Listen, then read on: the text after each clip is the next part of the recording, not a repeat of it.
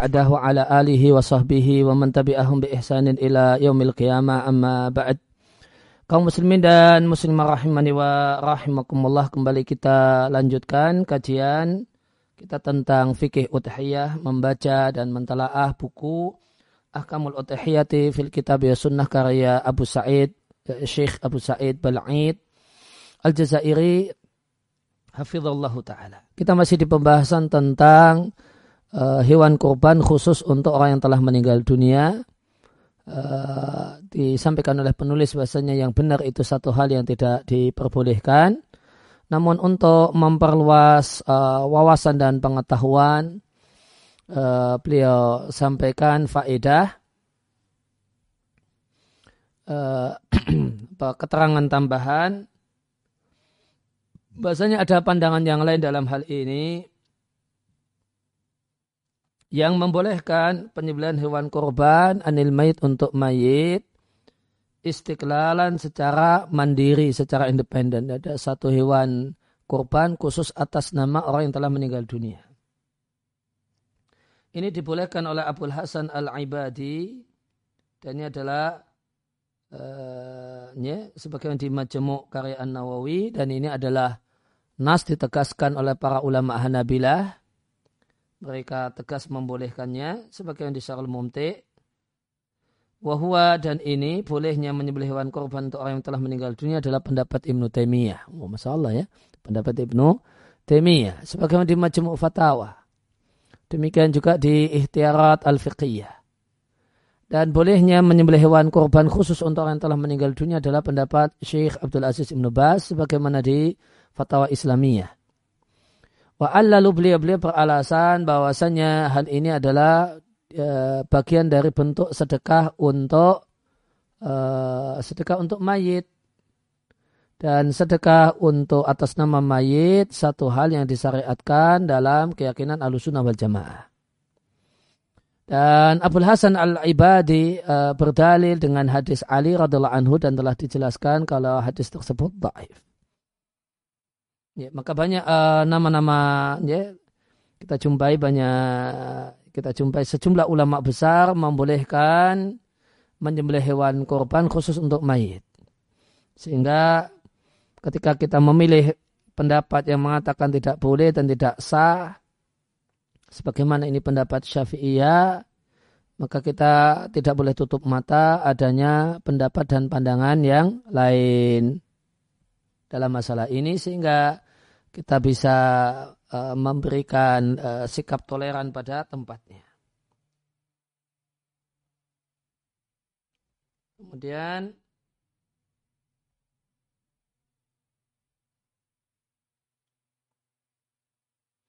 uh, tanbihun catatan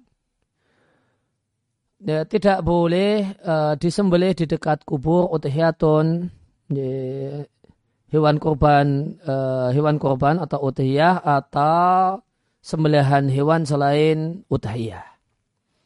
Diatkan oleh Abdul Razak dengan sanatnya dari Anas bin Malik radhiallahu anhu Rasulullah sallallahu alaihi wasallam bersabda la akra fil islami. Tidak ada akra dalam Islam. Kata Abdul Razak kanu mereka menyembelih di dekat kubur Kanu mereka itu orang jahiliyah menyembelih di dekat kubur seekor sapi atau seekor kambing. Catatan kaki satu.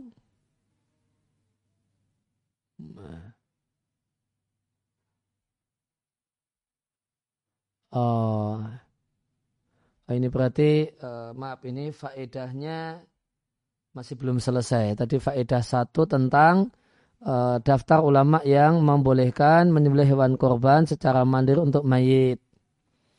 Kemudian uh, wadah basahibul uddah penulis kitab al-uddah, al-baghawi dan ar-rafi'i dari kalangan syafi'iyah Dhahaba berpendapat bahasanya tidak sah menyembelih hewan korban atas man, atas nama mayit illa ayusi biha kecuali jika dia berwasiat sebagaimana di Al-Majmu' karya An-Nawawi. Sedangkan uh, Abdullah bin Mubarak dan yang lainnya berpendapat bahasanya sedekah atas nama mayit lebih afdal daripada menyembelih hewan korban atas nama mayit. Dan jika seorang itu menyembelih hewan korban anhu atas nama mayat, maka dia tidak boleh makan dagingnya sedikit pun. Bahkan seluruhnya harus disedekahkan. Demikian kita jumpai keterangan atau kutipan pendapat Ibnu Barok ini di Sunan At-Tirmidzi. Sedangkan uh, Syekh Ibnu Thaimin taala berpendapat perlu rincian sebagaimana telah disebutkan. Yang telah aku sebutkan kata saya Abu Sa'id Bal'id di matan. Yaitu bolehnya menyembelih hewan korban uh, atas nama mayat jika dia berwasiat atau uh, mayat dalam hal ini orang yang telah meninggal dunia ini ditebengkan. Nebeng dengan uh, dengan yang hidup sehingga ikut dapat cipratan pahalanya. Wal mana dan yang terlarang dalam pandangan saya Ibnu adalah menyembelih hewan korban anu untuk mayat secara independen. Dan pendapat saya menurut inilah yang lebih kuat dengan alasan kalau Nabi Shallallahu Alaihi Wasallam tidak melakukan hal tersebut yaitu menyembelih hewan korban secara independen atas nama mayat tidak pula dilakukan oleh para sahabat yang mulia radhiallahu anhum wallahu a'lam terdapat dari Ali namun ya, namun riwayatnya dhaif. Namun kita tidak tutup mata ada pendapat yang lain dalam masalah ini. Bahkan ini pendapat yang dipilih oleh Ibnu Taimiyah dan Sa Ibnu Bas rahimallahu taala. Dan itu resminya madhab Hanabila yang membolehkan uh, menyembelih hewan ini secara khusus untuk mayit. Kemudian baru kita baca tanbih catatan tidak boleh menyembelih di dekat kubur hewan kurban atau yang lainnya Diatkan oleh Abdul Razak dengan sanatnya dari Anas ibn Malik radhiallahu anhu.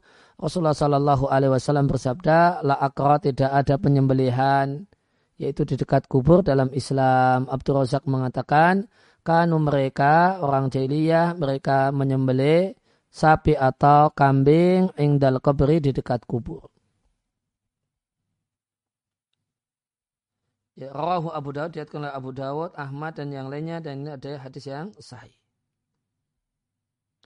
Dan adalah orang-orang musyrik terdahulu mereka menyembelih untuk kubur. Nah, ini beda, bedakan. Uh, kalau tadi menyembelih di dekat kubur, di komplek kubur. Ini, maka ini satu hal yang terlarang. Ini terlarang karena ada hadis yang melarangnya. Dan jika ini yang disembelih adalah udhiyah karena ada keyakinan-keyakinan tertentu lebih afdal uh, disembelih di dekat kubur, maka ini paling bantar bid'ah. Sedangkan kalau ini kemusyrikan, orang musyrik menyembelih untuk mendekatkan diri kepada kubur.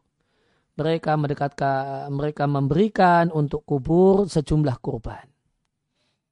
Fakanu adalah uh, mereka di masa jahiliyah jika ada tokoh besar mereka yang meninggal dunia, maka mereka akan menyembelih di dekat kuburnya kuda atau sejumlah kuda dan unta dan yang lainnya dalam rangka memuliakan mayit. Nabi Shallallahu Alaihi Wasallam melarang hal itu dan Nabi katakan di bagian bumi seluruhnya adalah tempat untuk sujud kecuali pemakaman dan al-hammam yaitu tempat pemandian umum. Maka Nabi juga Nabi melarang sholat di dekat kubur supaya tidak serupa dengan orang yang sholat untuk menyembah kubur. Dan orang yang menyembelih di dekat kubur itu mirip-mirip dengan orang yang menyembelih untuk memuja kubur. Ya, maka menyembelih untuk memuja kubur itu kemusyrikan. Demikian juga sholat untuk penghuni kubur itu untuk beribadah kepada penghuni kubur itu kemusyrikan. Kalau di dekat kubur Nah ini, ini jika ada keyakinan pahalanya lebih besar atau semacam itu, jika sholat di dekat kubur atau menyembelih di dekat kubur, maka ini bagian dari bid'ah dalam agama. Kemudian eh, ada tambihun di catatan kaki. Banyak kaum muslimin di masa-masa belakangan ini menyangka bahwasanya kemusyrikan itu terbatas dengan menyembah di patung berhala. Dan bahasanya kekafiran orang musyrik Quraisy itu karena tidak percaya adanya Allah. Dan ini kesalahan besar. Karena, kesyirik, karena syirik itu macamnya banyak sekali. dan kekafiran itu macamnya juga banyak. Adapun kekafiran orang Quraisy mereka mengimani adanya Allah dan bahasanya Allah adalah sang pencipta, pemberi rezeki dan pengatur. Lil kaun jagat raya. Dalil hal ini banyak ayat di Al-Quran, di antaranya firman Allah Ta'ala di surat Al-Ankabut. Wala in tahun jika engkau tanyakan mereka, siapakah menciptakan langit dan bumi, siapakah yang menundukkan matahari dan rembulan, tentu mereka akan mengatakan Allah. Fa'anna maka bagaimanakah yuk fakun mereka dipalingkan. Dan firman Allah Ta'ala, Wala in jika engkau tanyakan pada mereka, siapakah yang menurunkan air dari atas, yaitu dari mendung. Fa'ahya bil arda ba'da mautiha. Lantas ya Allah hidupkan dengan air tersebut tanah setelah matinya. Niscaya mereka akan mengatakan Allah. Alhamdulillah, katakan segala puji milik Allah. Ya, namun mayoritas mereka tidak berakal al-angkabut. Wakala ta'ala dan Allah ta'ala berfirman, jika mereka menaiki perahu da'awullah mereka berdoa kepada Allah. Mukhlisina lahuddin memurnikan ibadah dan doanya hanya untuk Allah. Falamma najahum tatkala Allah selamatkan mereka sehingga mereka tiba di daratan idahum tiba-tiba mereka melakukan kemusyrikan. Liyakfur bima atainahum mereka kafir dengan apa yang telah kami berikan pada mereka. Melihat tamat tahu maka silahkan mereka bersenang-senang. Fasawfa ya'lamun sungguh mereka akan mengetahuinya. Mengetahui dampak dari perbuatannya. Dan Allah Ta'ala berfirman wa ja'alu dan mereka jadikan mimma lillahi bagi Allah mimma daro'a sebagian dari yang Allah ciptakan berupa uh, berupa ladang dan uh, wal an'am dan hewan nasiban sebagai bagian Fakalu lantas mereka mengatakan hada lillahi ini untuk Allah wahada sedangkan ini li adalah sesaji untuk berhala-berhala kami. Maka kemusikan dalam bentuk sesaji untuk makhluk, untuk selain Allah sudah ada di masa jahiliyah. Dan Allah Ta'ala berfirman, sampai kalah jadilah kalian batu ataukah besi atau khalqan satu ciptaan yang besar menurut dada dan hati kalian. Fasayakuluna lantas mereka akan mengatakan siapa yang akan mengembalikan kami. Kul jawablah. Allah di fatarakum marrah. Yang menciptakan kalian pertama kali. Fasayun riduna ilaika ru'usahum.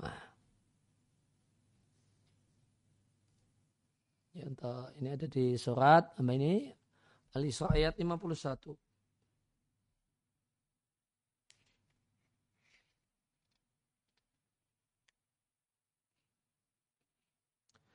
Fasayun riduna ay yuharrikuna mustahzi'in. Menggerakkan dalam keadaan mustahzi'in mengolok-olok. Mereka akan menggerakkan rusam kepala-kepala mereka ilaika ke arahmu dengan maksud mengolok-olok. Wayakuluna kemudian mereka mengatakan matahu. Kapan itu kiamat terjadi? Kul asa ayakuna koriba. E, jawablah bahasanya semoga itu tidak lama lagi.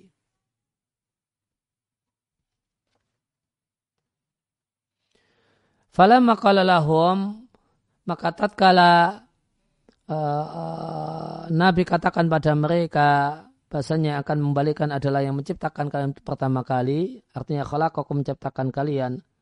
Awal marat yang pertama kalinya maka mereka tidak mengatakan Allah tidak menciptakan kami. Ya, namun mereka mengajak mengolok dengan mengatakan kapan itu? Ini menunjukkan bahasanya mereka mengakui bahasanya Allah yang menciptakan mereka. Demikian juga firman Allah Ta'ala, Kul katakanlah, limanil ardu, milik siapakah bumi dan semua makhluk yang ada di dalamnya. In kuntum ta'lamun jika kalian tahu, saya kuluna lillah, mereka akan mengatakan milik Allah. Kul sampaikanlah afala tadakkarun, tidakkah kalian mengambil pelajaran. Wakadhalika demikian juga mereka orang musik jahiliyah mereka mengatakan dalam talbiyah mereka ketika mereka berhaji. Labaik. Allahumma labaik. Ya Allah kami penuhi panggilanmu baik la syarika laka baik tidak ada sekutu bagimu illa syarikan kecuali sekutu huwalaka tamlikuhu engkaulah yang memiliki sekutu tersebut wa malaka dan apa yang dimiliki oleh sekutu tersebut. Ida jika demikian, Mada lantas apakah bentuk kafir dan syirik mereka? Jawabannya, syirik mereka itu dalam ibadah. Di bentuknya mereka mendekatkan diri kepada al-asnam, kepada berhala dengan berdoa, menyembelih hewan, bernadar dan yang lainnya dengan tujuan agar berhala-berhala tersebut mendekatkan mereka kepada Allah. Sebagaimana firman Allah Ta'ala, وَالَّذِينَ تَخَذُوا مِن دُونِهِ أَوْلِيَاءَ dan orang-orang yang menjadikan selain Allah sebagai sesembahan, mereka mengatakan mana butum illa. Tidaklah kami menyembah mereka kecuali supaya illa liqaribuna ilallahi zulfa. Kecuali supaya mereka mendekatkan kami kepada Allah sedekat-dekatnya. Dan apa yang dimaksud dengan berhala? Dan berhala itu simbol apa? Jawabannya aslul asnami, asal muasal, patung berhala adalah patung sejumlah orang saleh semisal Wat, Suwa, Yarus, Ya'uk dan Nasr. Demikian juga Lata dulunya adalah orang saleh. Karena rajulan dulu Lata itu adalah seorang yang yaf'alul khaira suka melakukan kebaikan. Fakana yalutu lil hajij. E, Lata ini menumbuk untuk para jamaah haji di masa jahiliyah menunduk dan membuat sawik roti sawik, satu makanan dari tepung gandum dan tepung syair. Kemudian ya ludduhu. Ya di, di situ. Ya lattuhu artinya ya bulluhu. Kemudian uh, dibasahi dengan sedikit air atau dicampur dengan minyak samin. Berarti ya lutulil hajid membuat adonan untuk para jamaah haji. Setelah uh, setelah lata ini mati, maka mereka iktikaf, nenepi, bersemedi di dekat kuburnya. Kemudian seiring berjalannya waktu akhirnya mereka menyembahnya. Kemudian semakin parahlah syirik dan tersebar uh, dan jadilah patung berhala itu banyak dan beragam Hatta sampai-sampai di antara orang, orang Arab ada orang yang menjadikan sesembahannya berupa korma ajwa, ditumpuk, dan disembah-sembah, faidah ja'a akalahu.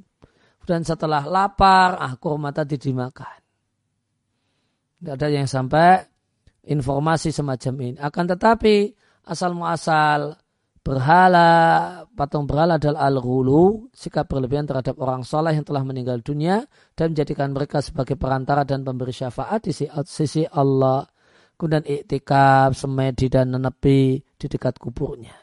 Menyerahkan berbagai macam sembelian dan nadar untuknya supaya mereka para orang-orang soleh ini mengantarkan doa-doa orang yang menyembahnya kepada Allah dan ini adalah syirik maka adalah kaum muslimin mewaspadai hal, hal itu. Sebagaimana firman Allah taala wa idza sa'alaka ibadi jika hambaku bertanya kepada kepadamu ani tentang diriku fa ini korib maka jawablah aku itu dekat aku menjawab doanya orang yang berdoa jika dia berdoa kepadaku hendaknya mereka meresponku dan beriman kepadaku la'allahum yarshudun supaya mereka mendapatkan petunjuk. Dan Rasulullah Shallallahu Alaihi Wasallam bersabda, "Atu'ahu wal ibadatu." Doa itu adalah inti ibadah.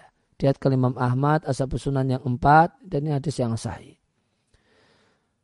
Fa, fa, fa wala buddha, maka jika tidak boleh tidak harus minta doa orang lain, maka tidak terlarang seorang muslim meminta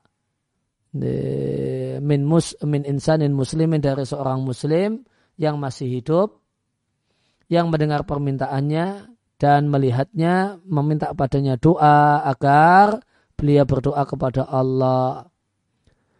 Namun yang afdal adalah takudalika, tidak minta doa orang lain. Maka yang afdal adalah seorang muslim berdoa untuk dirinya sendiri. Ya, di antara dalil afdalnya adalah ayat yang baru saja kita baca. Faidah sa'alaka ibadi anni fa ini korib. Uji budak da'i. Aku kabulkan doa orang yang berdoa asalkan mau berdoa.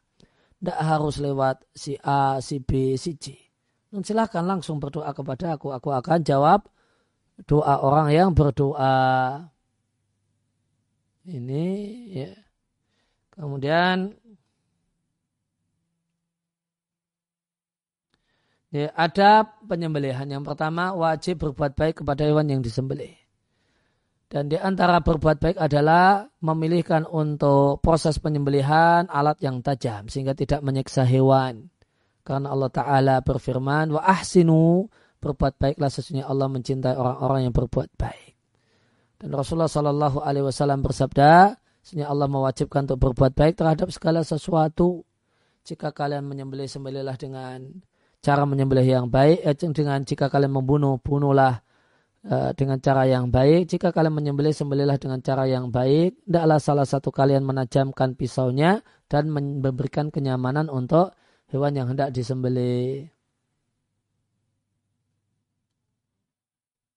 Catatan eh, kaki. Dan bin hunaka adatun ada kebiasaan pada sebagian kaum muslimin meletakkan pacar, ini berarti warna merah-merah misalnya, pada kepala kibas sebelum disembelih. Ini satu hal yang tidak ada dalilnya. Fi ma'alim tu sebatas yang aku tahu maka sepatutnya meninggalkan kebiasaan semacam ini. Ya pada dasarnya boleh-boleh saja ini domba mau dikasih ini dan itu. Namun jika ada anggapan bahasa ini satu hal yang dianjurkan, satu hal yang lebih berpahala ini yang tidak diperbolehkan. Kemudian yang kedua, bagaimanakah cara lembut dengan hewan? Di antara lembut dengan hewan adalah tidak memajamkan pisau di depan hewan kurban. Demikian juga tidak menyembelih hewan kurban dengan dihadir dan ditonton hewan kurban yang lainnya. Yang ketiga, tidak menyeret hewan kurban dengan kasar. Ini Eh, tiga poin inilah yang disebut dengan lembut terhadap hewan. Dari Ibnu Abbas radhiallahu anhu Rasulullah Shallallahu alaihi wasallam melewati seorang yang meletakkan kakinya pada lembaran leher kambing dan dia masih menajamkan pisaunya. Sedangkan hewan tersebut memandang ke arah ke arah penyembelihnya dengan pandangannya. Maka Nabi mengatakan, "Afala Tidakkah menajamkan pisaunya sebelum ini? Apakah engkau ingin membunuhnya dua kali? Hala hala had, had, hadatta. Semestinya engkau tajamkan pisaumu sebelum engkau membaringkannya untuk menyembelihnya. Diatkan oleh At-Tabrani dalam Al-Mu'jam Al-Kabir. Dan ini adalah hadis yang sahihul isnad. Kemudian yang ketiga anjuran agar hewan yang disembelih dihadapkan ke kiblat yaitu kepalanya di selatan dan kakinya di barat.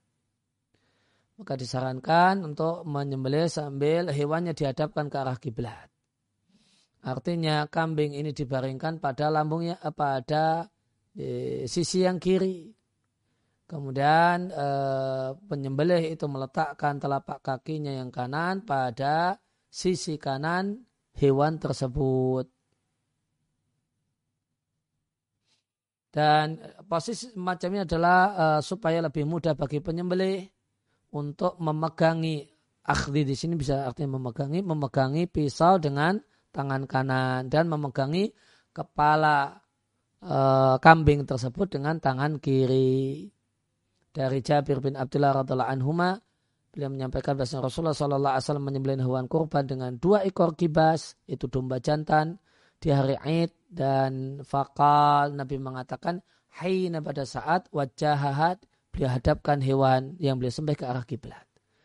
Maka ada kalimat hina wajahaha maknanya dihadapkan ke arah kiblat. Dan pentingnya hal ini sampai-sampai Ibnu Umar tidak suka makan daging hewan yang disembelih tidak menghadap ke arah kiblat. Catatan kaki tiga. Hadapkanlah Abdul Razak dengan sanat yang sahih.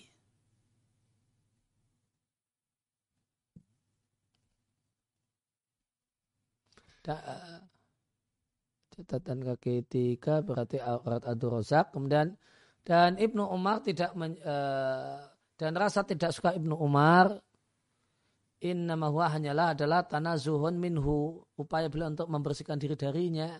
Dan tidaklah bermakna bahasanya daging yang disembelih itu haram untuk dikonsumsi.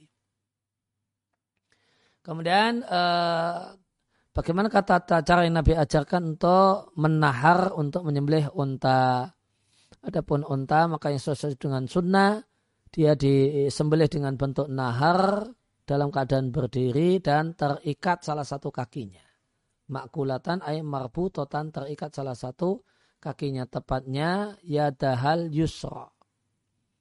Iya, yad itu berarti kaki depan yang kiri Kemudian onta ini berdiri di atas sisa kakinya, tiga kakinya yang lainnya. Sehingga Allah berfirman, wal butuna ja'alna halakum min sya'airillah. Dan, dan betuna dan onta itu kami jadikan untuk kalian sebagai syiar agama Allah.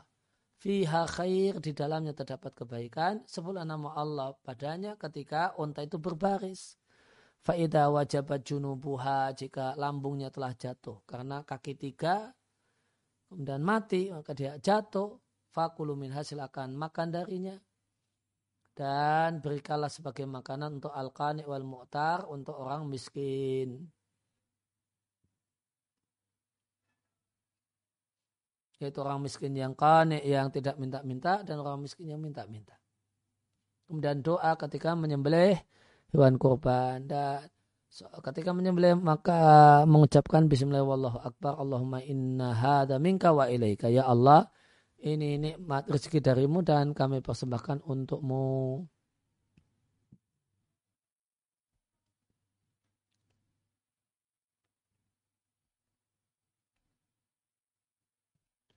Allahumma taqabbal minni. Ya Allah terimalah uh, terimalah dariku ya diatkan muslim dan yang lainnya. Adapun uh, tambahan sebagaimana engkau menerima hambamu khaliluka kekasihmu maka ini tidak valid sebagaimana kata Al Albani di kitabnya manasik demikian juga. Tambahan wajah tu wajah lillati fatar samawati wal ard. Maka ini adalah doa yang tidak valid kalau diletakkan pada saat penyembelihan. Kemudian kemakruhan untuk menguluti atau memotong leher sebelum betul-betul mati maka dimakruhkan untuk menguluti atau memotong leher sebelum nyawanya lepas karena hal itu bertentangan dengan sikap berbuat baik. Adalah Umar bin Khattab radhiallahu anhu mengatakan sesungguhnya penyembelihan itu adalah di uh, tenggorokan dan di labah perbatasan yaitu untuk nahar. Perbatasan tentang leher dengan dada bagi siapa yang mampu. Dan janganlah kalian bersegera terhadap nyawa dan hewan sampai nyawanya betul-betul telah hilang dan keluar dari hewan tersebut.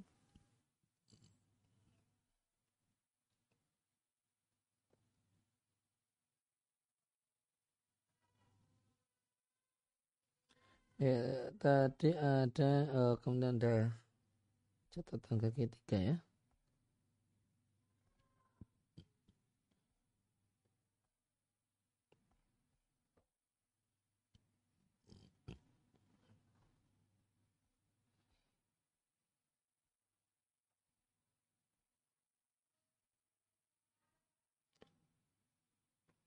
Ya, demikian yang bisa disampaikan di kesempatan kali ini. Ya, mudah-mudahan yang kita baca kita telah Allah jadikan sebagai ilmu yang bermanfaat. Wassallallahu ala nabiyina Muhammadin wa ala rabbil alamin. Bihamdika asyhadu an la ilaha illa anta astaghfiruka wa atubu ilaik.